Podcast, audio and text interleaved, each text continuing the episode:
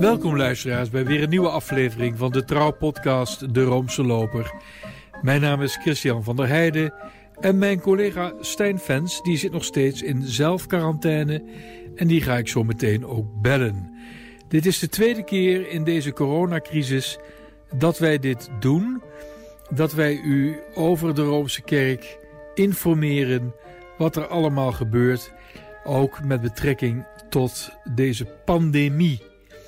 Er zal ook muziek worden gedraaid, allemaal ter vertroosting en ter verlichting, maar ook om hoop te geven. Dan ga ik nu dus telefonisch in contact komen met Stijn. Um, ik waarschuw u, het geluid is uh, van slechte kwaliteit, maar we hopen dat we toch goed verstaanbaar zijn.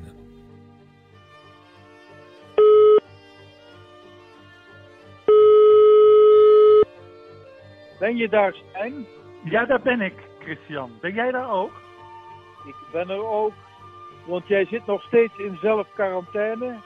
Jazeker, nog steeds in Utrecht, in Overvecht, in zelfquarantaine. Ben je gezond? Ik ben redelijk gezond, maar ik ben gewoon voorzichtig en ik, uh, ik blijf gewoon nog even op mezelf, zo gezegd. Maar ik heb veel contact met de buitenwereld en af en toe komt er een postduif aanvliegen. Heb jij alles gezien op televisie wat te maken heeft met de paus? Ja, ik heb dus ook uh, dat extra speciale Urbi et Orbi gezien vrijdag. Ik vond dat, moet ik zeggen, fenomenaal. Maar jij hebt daar voor NPO 2 commentaar bij gedaan. Hoe heb jij dat ervaren, dat speciale Urbi et Orbi? Nou, ik was de gast van uh, Wilfred Kent we zaten in studio A van het eh, AKN-gebouw in Hilversum. Ik was ook onder de indruk vooral ook van het dramatische effect van de regen. Het was nat op het Sint-Pietersplein. Daardoor kwam er zo'n prachtige glans te liggen op die keien. Dat verhoogde het dramatische effect. De aanleiding is al dramatisch natuurlijk.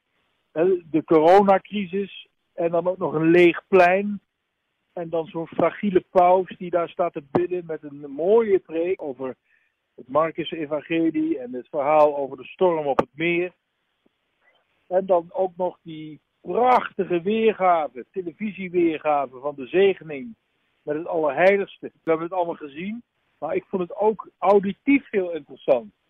Omdat je namelijk dwars door die klokken die toen begonnen te luiden ook de sirenes hoorde. En toen zei ik ook van de wereld klinkt hier ook door. Hè? De, de sirenes van de wereld luiden vanwege, ja, vanwege de ellende die veel mensen moeten meemaken. Maar ook niet alleen de zieken, maar ook veel ondernemers die geen omzet hebben. Mensen die zich zorgen maken. Mensen die bang zijn. Niet alleen om ziek te worden, maar om failliet te gaan. En dan heb ik het nog niet eens over al die mensen in de arme gebieden. Als die getroffen worden door uh, corona.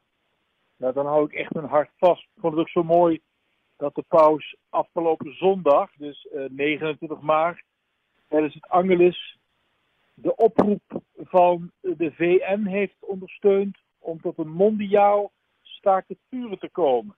Want je zult maar oorlog beleven en dan tegelijkertijd uh, onderhevig zijn aan dit coronavirus. Hij is alomtegenwoordig, hè, deze paus, in deze tijden van corona ja, dankzij de televisie. Uh, ik vind het ook uh, bijzonder dat uh, Rai Uno, dus de best bekeken publieke televisiezender van Italië, nu dagelijks de mis uitzendt die de paus doet vanuit de kapel van Casa Santa Marta, het Vaticaanse gasthuis, waar hij nog steeds een, een suite bewoont. Ja. Dus TV 2000 doet dat dagelijks, maar ook Rai Uno. En daar kijken toch miljoenen, nou miljoenen, 4 miljoen mensen naar, dagelijks. Ik vond ook weer dat hij dus vrijdag eigenlijk wat liet zien dat hij uiteindelijk toch ook een beetje de pastoor van de wereld wil zijn. Wij, wij, wij zitten allemaal binnen, we zoeken houvast en de ene die gaat yoga doen en de ander zet een mooie nummer van de Beatles op. Maar hij wil toch wel graag uh, bijna aanraakbaar zijn tijdens deze tijden van corona. Hè? Hij grijpt die rol ook. Dat vind ik zo goed aan hem. Ja, dat, is, dat doet hij goed. En ik moet zeggen dat mensen die niet gelovig zijn. eh, en die, ik heb nogal wat vrienden die, eh, die niet gelovig zijn. Die wisten dat. eh, die had ik erop geattendeerd dat de paus dit zou gaan doen. En die hebben dus eigenlijk een, min of meer uit sympathie voor mij gekeken. Maar die waren zeer onder de indruk. Ja. Die, die, die dachten natuurlijk: wat is dit allemaal? Kijk, je hebt eigenlijk verschillende soorten reacties hierop. Zo van, eh, wat is dit eh, onbegrijpelijk en eh, wat, wat is dit voor raar gedoe? Daar heb ik niets mee te maken. Maar je hebt ook mensen die het begrijpen niet en daardoor gebiologeerd raken. En ja, je moet toch echt wel zeggen dat de Vaticaanse televisie hier een topprestatie heeft geleverd. Ja, kijk, dat, dat beeld hè, van Franciscus, die met die monstrans de, de zegen Urbi et Orbi verrichtte, van achteren gefilmd, waardoor hij eigenlijk, hij stond eigenlijk in het voorportaal, hij stond niet alleen in het voorportaal van Sint-Pieter, hij ging even naar voren en die grote armen van het Sint-Pietersplein waren eigenlijk het verlengde van de paus. Ja, het was zo schitterend. Ja, ik wil bijna zeggen, het was een, van een perfecte choreografie. Hè? Dus Ja. zelfs eh, de katheder waarvan eh daarna hij zijn, eh, zijn preek, waarachter hij zijn, zijn preek hield, daar waren dus de microfoontjes wit van. Dus Ja. dat plein was donker, hij was wit, dus hij stak ook af tegen dat, tegen dat lege plein. En dan die, zijn die microfoontjes ook wit. En ook in die voorhal van de Sint-Pieter was ook alles wit. Zelfs de deur van de grote deuren van de Sint-Pieter stond op een kiertje en daar kwam wit licht achter vandaan. Het was ongelooflijk hoe alles mooi samenvloeide. En wat ik ook wel vond, is dat, kijk, die epidemie, dat onzichtbare virus dat rondwaart, dat heeft dat hele plein van de, voor de Sint-Pieter, dat Sint-Pietersplein, ook leeggeveegd eigenlijk. Dat er zijn altijd mensen. Dat zei Wilfred Kemp ook toen hij eh, de uitzending eh, begon. Dus het was niet alleen de paus die eigenlijk eh, God smeekte om die pandemie een halt toe te roepen.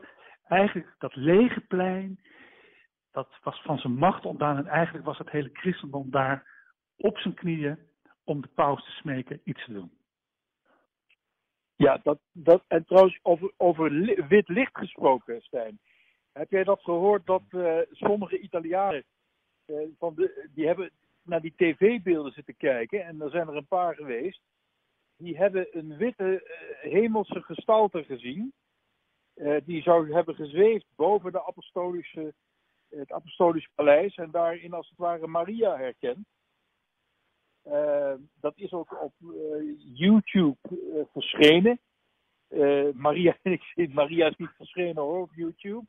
Maar zij hebben die beelden uitvergroot en eh, op YouTube gezet, maar ook eh, op andere sociale media. Kijk of het waar is. Geloof dit eigenlijk gezegd niet. Maar wat het wel aantoont is dat mensen, vooral de bijgelovige medemens, ja, toch al hierbij een, een verlangen toont dat de Heilige Maagd in ieder geval zich wel toont. Met andere woorden, een verlangen naar hemelse bijstand.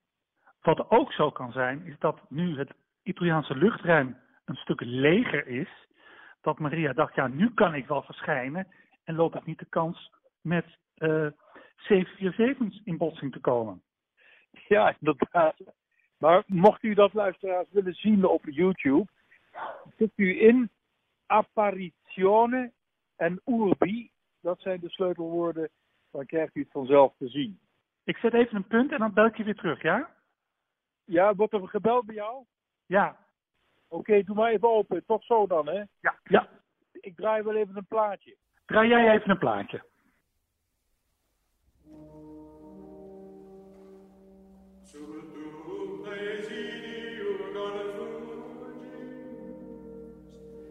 Simon.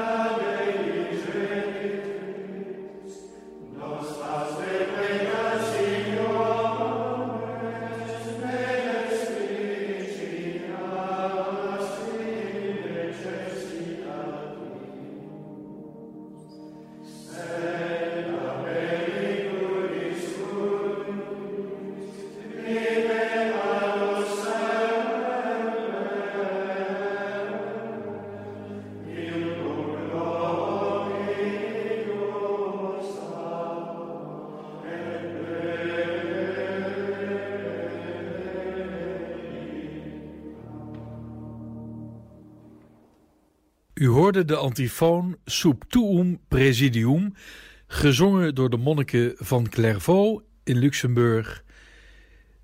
Tot u nemen wij onze toevlucht, wees onze bescherming, heilige moeder van God. Wijs onze gebeden niet af als wij in nood zijn, maar verlos ons uit alle gevaren, gij glorierijke en gezegende maagd. Aldus de Nederlandse vertaling van deze oeroude tekst, afkomstig uit de antieke kerk van Egypte, uit de derde eeuw maar liefst. En dan gaan we nu weer contact opnemen met Stijn. Ja, hallo? Ben je daar nog, Stijn? Ik ben daar weer. Oh, je bent er weer. Wat was dat nou? Oh, niets, niets bijzonders. Niets bijzonders. Laten we doorgaan. Ja, oké. Die Maria-antifoon, dat is schitterend zeg. Ja, dat is eh, prachtig. Overigens, Maria, of ze nou verschenen is of niet boven het Sint-Pietersplein, ze was er in ieder geval in de gestalte van die prachtige icoon waarover we de vorige keer ook al hadden gesproken. De Salus Populi Romani. En die stond prachtig eh, op het bordes.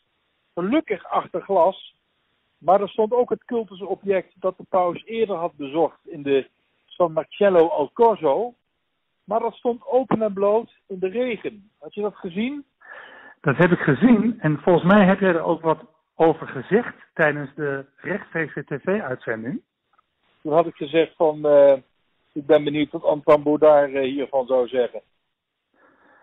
Maar wat heb ik gelezen? Dat, door, dat heb je wel goed gezien trouwens, want ik, ik heb begrepen dat dat prachtige cultuskruis uit de tweede helft van de 14e eeuw eh, zwaar beschadigd is geraakt. Eh, klopt dat? Dat heb ik ook gelezen. Het is een houten kruis, eh gepolygomeerd. En de verf zou zijn gaan afbladderen na dat Ubi et Orbi. Maar dat is toch verschrikkelijk? Kostbaar kruis, want nou, dat is onbetaalbaar zoiets. En het is een mirakelkruis ook. Dus het kan ook goed zijn dat, dat de paus Franciscus dit juist heel mooi vindt. Dat de Christus nog gehavender is. Hè, dat hij nog meer solidariteit kan laten blijken met de mensheid die zucht onder dit coronavirus. Dat kan Ja, zo kun- zijn. Kunsthistorici zullen het daar wel niet mee eens zijn. Dat kan zo zijn. Maar ik heb te doen met die mensen van, eh, van die San Marcello al Corso. Die met de uiterste voorzichtigheid, ik heb daar foto's van gezien, dat kruis van de muur hebben gehaald. Dat daar ook achter daar wel achter glas hangt, volgens mij. Als ik me niet Ja. vergis. En dat uiterst voorzichtig eh, vervoerd is. Eh, ik heb ook begrepen dat, nou ja, dat na afloop dat kruis eh, met een sneltreinvaart in veiligheid is gebracht. Dat het nu nog in het Vaticaan is. En dat wordt nog een interessante kwestie. Want dat kruis hangt in een San Marcello al Corso. Dat is gewoon. De staat, de Italiaanse staat, is verantwoordelijk voor het onderhoud van de kerken. Dus dit valt, dat kruis valt onder het, maar zeggen, het ministerie van Cultuur in Italië. Dus dat wordt nog een, eh, een eh, zou nog wel een conflictje kunnen worden wie de restauratie gaat betalen. Het doet mij persoonlijk wel een beetje pijn. Van de andere kant, Christus is er niet gekomen om, om, eh, om, om mooi te zijn. Hè? Dus juist dat kruis stond een eh, gefolterde man die aan het sterven is. Kijk, toen het begon te regenen en te onweren op de Calvarieberg, toen hebben ze er ook niet even een zeil omheen gehangen. Christian, Ja, daar heb je een punt. kijk, weet je wat het is? Religieuze eh, voorwerpen zijn cultusobjecten en geen, niet, eh, eh, en pas op, in tweede instantie kunstvoorwerpen. Hè? Dus een, een cultusobject wordt gebruikt voor de eredienst. Met name eh, belangrijk om te vermelden, het wordt gebruikt. Kijk, we musealiseren die hele kerk nog eens een keer kapot. En ik vind het juist wel goed dat eh, dit echt gebruikt wordt en dat de paus helemaal niet eh, zich, zich bekommerde om die paar druppels regen. Overigens waren het geen paar druppels, want het- het beeld was helemaal doorweekt en, en, en ik denk ook geruineerd, maar goed. Nou ja, het was al met al toch een weergeloze, weergeloze, ja moet ik dat zeggen, evenement. een weergaloos Urbi et Orbi. Dat is op Urbi et Orbi. Ik vind dat zo'n prachtig woordenpaar. Urbi et Orbi. En dan heb ik dat eens uitgezocht. Het schijnt dat Ovidius dat heeft uitgevonden. Want Ovidius in de eerste eeuw voor Christus, nog een gedeelte van de eerste eeuw na Christus, die had het over wat is nou het verschil tussen de barbaarse volkeren en de Romeinen. En toen heeft hij gezegd, uh, de barbaren, de, de, de, andere volkeren, die hebben een, een gebied.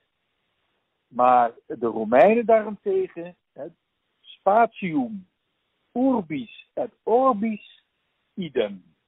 En dat betekent de ruimte van de stad en van de aardkring, oftewel de wereld, is dezelfde. Prachtig, hè? Prachtig. Ja. Dus met andere woorden, Rome is nooit los te zien van de wereld. Daarom is het ook zo mooi. De bisschop van Rome is daarom ook de, ja, het hoofd van de wereldkerk. Ja.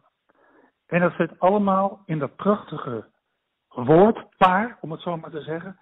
Urbi et Orbi. En wat ik altijd zo mooi vind, is dat het, het is een pauselijke zegen van de hoogste rang. Hè? Dus blijkbaar zit er in die pauselijke zegening een zekere rangorde. Ja. Uh, en uh, van oudsher is, wordt die zegen dus uitgesproken als de balkons vanuit de loggia's van de belangrijkste basilieken.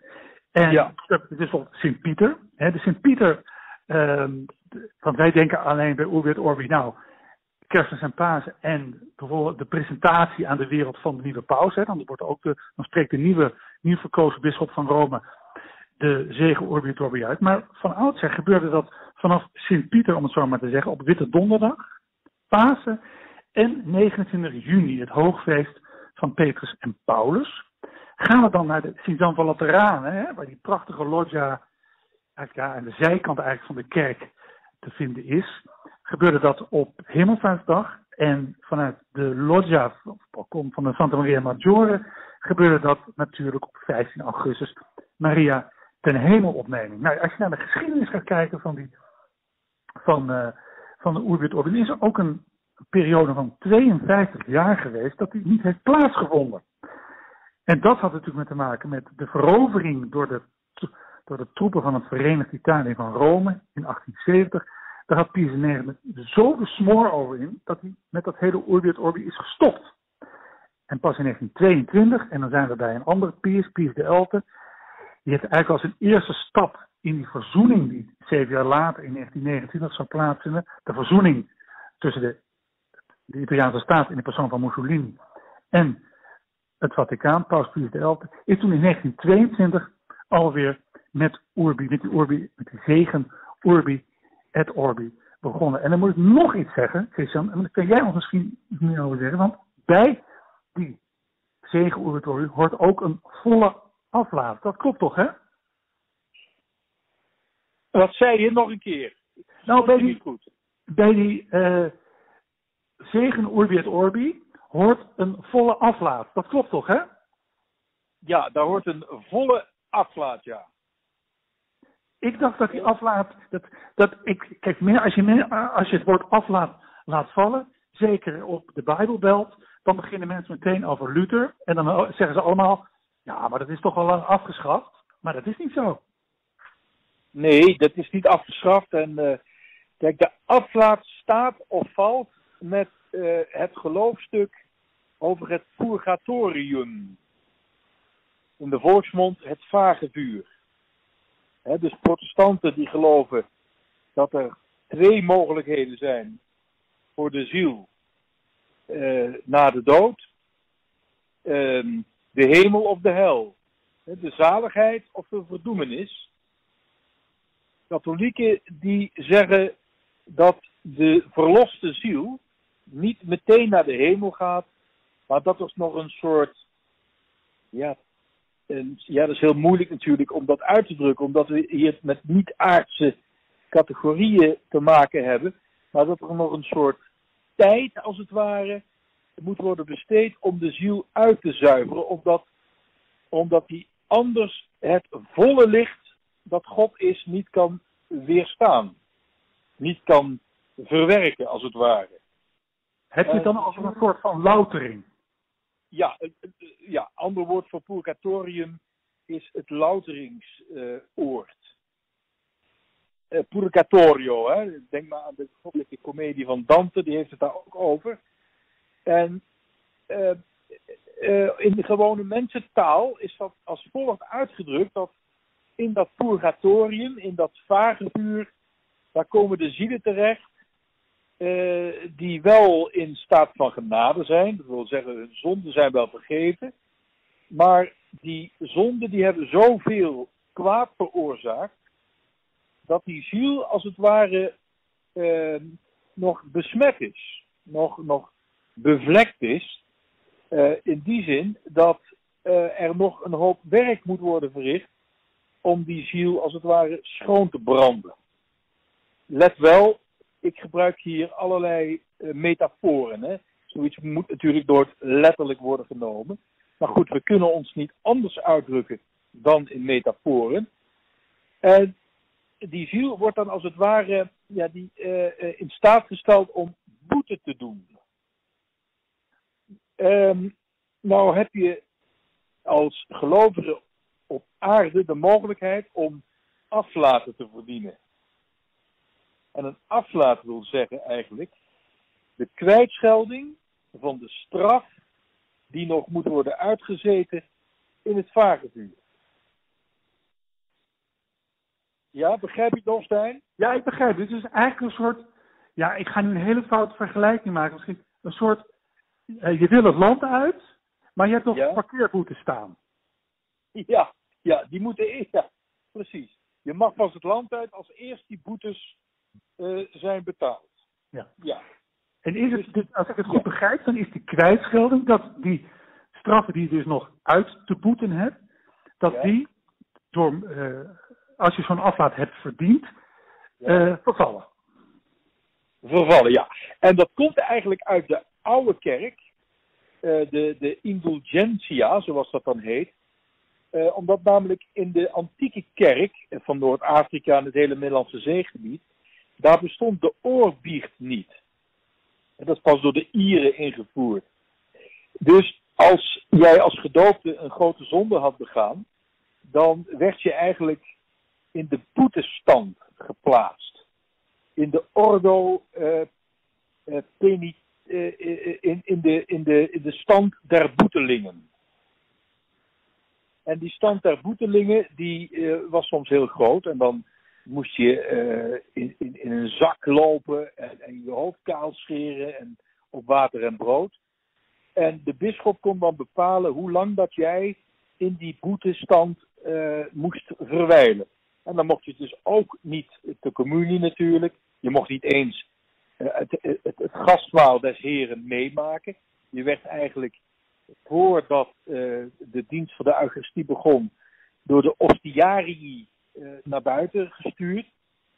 Eh, en, dan als, en, en soms was, zei een bisschop, die dan toch nou medelijden had met die boetelingen, die vroeg dan aan het volk van, hoe zouden jullie het vinden als wij, eh, eh, ik noem maar iemand, eh, eh, eh, Piet, als we Piet, eh, Petrus of, of eh, als we die, eh, eh, nee, een andere naam, even, eh, Alexander, hè, vindt u het goed als we Alexander eh, eh, een jaar respijt geven? Dat hij dus nu al uit die boetestand mag komen. En als dan iedereen zei, ja, dat vinden we goed, dan kreeg hij dus een aflaat van een jaar. Dus Ja, ja. dat aflaten verbonden waren aan tijden, daar komt dus het gebruik van de tijdelijke aflaat. Of de gedeeltelijke aflaat. Je hebt ook een volle aflaat, dat wil zeggen dat wanneer je al vergeven bent, dus als je in de, absolu- eh, in de biechtstoel al eh, de absolutie hebt gehad, dan moet je natuurlijk toch in het hiernamaals de straffen uitboeten met het kwaad dat, dat, eh, dat je hebt aangericht. Christian, dat Ja, laatste moet je even herhalen, want er komt hier net een vliegtuig voorbij. Oké. Eh, een- de kwijtschelding van de straffen, een volle aflaat, is dus dat je eigenlijk van alle boetedoeningen, van alle boetes, om in jouw woorden te spreken, ehm, niet meer hoeft te betalen. Ja? Dus, dus dat wil dus zeggen van als je dan sterft, dat je ziel dus eigenlijk recht naar de hemel gaat en het vaartuig kan overslaan. Ja. En, en, en, en, en dus dat, dit klinkt allemaal nogal middeleeuws, middeleeuws gedacht, maar dat is wel dus wat eh, eigenlijk het doel is van het Urbi et Orbi. Maar- En, en, en Paus Franciscus wilde dus ook eh, dat mensen deze aflaat kunnen verdienen. Dus dat, dat in deze tijd van crisis eh, mensen dus vrome werken moeten doen en, en goed zijn voor anderen, zodat zij dus in de juiste staat verkeren waarin zij dus die volledige kwijtschelding kunnen ontvangen. Maar ik heb die mensen die dus nu die volle aflaat verdiend hebben, zijn die nu klaar? Of moeten die nog wat doen? Want ik heb begrepen dat ook van je gevraagd wordt dat je moet deelnemen aan de heilige mis. De communie moet ontvangen. Nou, voor veel katholieken op dit moment is dat niet mogelijk. Dus die, die mensen zijn nog niet klaar die die volle aflaat in de pocket hebben. Nee, maar eh, het kan namelijk ook dat je dus eh, de, de sterke wens hebt om deel te nemen aan de Eucharistie. Eh, en dat je de sterke wens hebt om te gaan biechten. En dat je eh, gewoon feitelijk bidt voor de intenties van de paus. Want er zijn eigenlijk drie voorwaarden waaraan je moet voldoen. Wil je een volle aflaat kunnen verdienen? En dat is namelijk één. Je moet inderdaad in het sacrament de absolutie hebben ge- verkregen. Dus je moet gaan biechten en de absolutie hebben verkregen. Twee, je moet eh de communie zijn gegaan. En drie, je moet hebben eh, gebeden voor de intenties van de Heilige Vader, van de paus. Hè. Dus iedere maand heeft hij eh, een, een bijzondere serie intenties. En dan heb je bijvoorbeeld een hoofdintentie, bijvoorbeeld voor de gelovigen van China. Ik noem maar wat. En als je je daar dan mee verenigt, dat, eh, dan voldoe je aan de derde voorwaarde voor het ontvangen van een aflaat. Maar als dat in deze crisistijd niet kan, dan is er nog geen man overboord. Want dan kun je dus in de geest verenigen met de hostie. Dus je moet een verlangen op, opwekken. Maar voordien moet je ook al een verlangen hebben opgewekt om te gaan biechten. Maar als dat niet mogelijk is, fysiek niet onmogelijk is, of niet mogelijk is, dan is dat verlangen alleen al genoeg. Dus dat is eigenlijk het ware een biecht van begeerte. Hè, zoals je ook het doopsel van begeerte hebt. Dus je kunt eigenlijk in dit geloof alle kanten uit. Nou ja, je zit eigenlijk, ja, er is, en dat vind ik in dit geval een prachtige term, er is eigenlijk nooit een man overboord.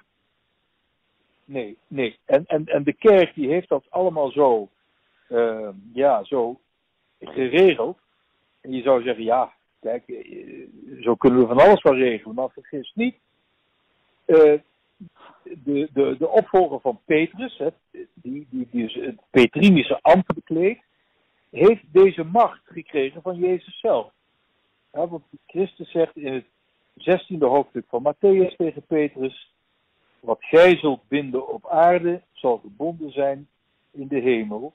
En wij, wat gij zult ontbinden op aarde, zal in de hemel ontbonden zijn. Met andere woorden, dat is dus de sleutelmacht van Petrus. En Petrus heeft dus als het ware ook de sleutels gekregen van de hemelpoort. Hè. Dat komt een man bij de hemelpoort en er staat daar Sint Petrus. We kennen die grappen allemaal. Maar Petrus heeft vooral ook de sleutels gekregen van de schatkist van de genademiddelen van de kerk. Dat is eigenlijk de leer van de aflaat.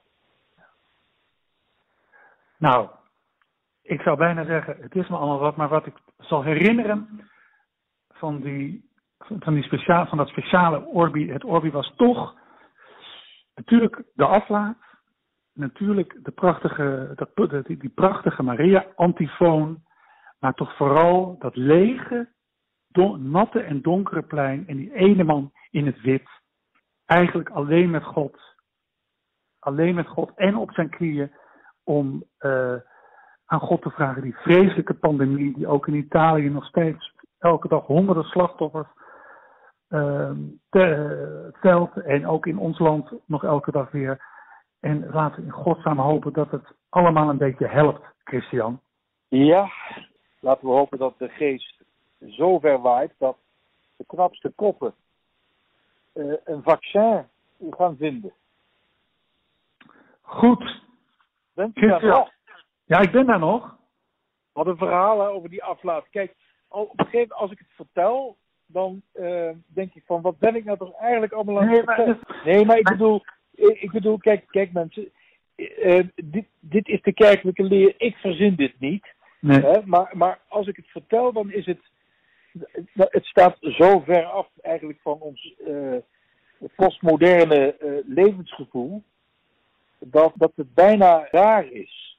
Dat je je raar voelt ook om dit te vertellen, omdat het, ja. Ja, omdat het ook zo, zo, zo uit, die, uit die tijd van de middeleeuwen komt, snap je? Ja, ja. Moeten we nog niet even zeggen dat ook dat bisschop en priester voor ziekenhuizen hebben gestaan om eigenlijk hetzelfde te doen?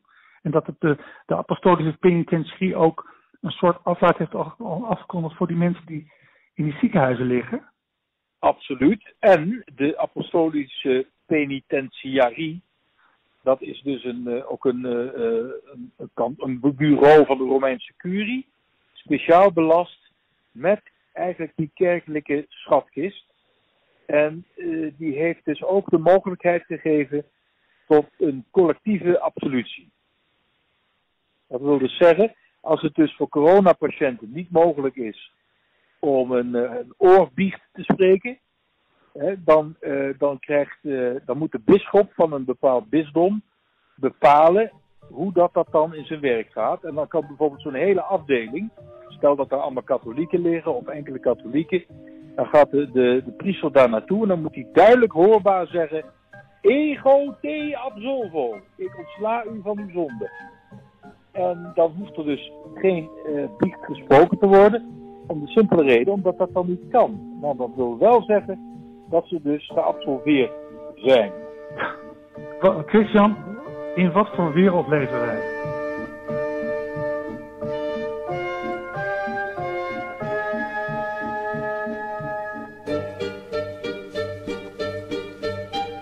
Dit was het weer, luisteraars. Ik hoop dat u gezond blijft. Houd afstand, maar wees elkaar geestelijk nabij. Tot een volgende keer. Het ga u allen goed.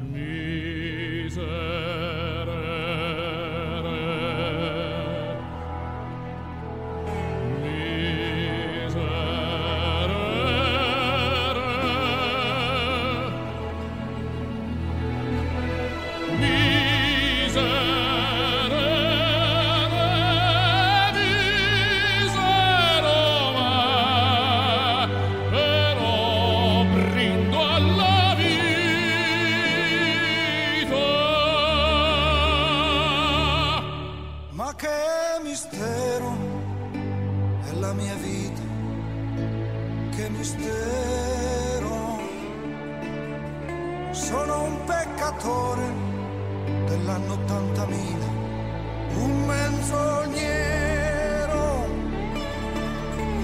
Ma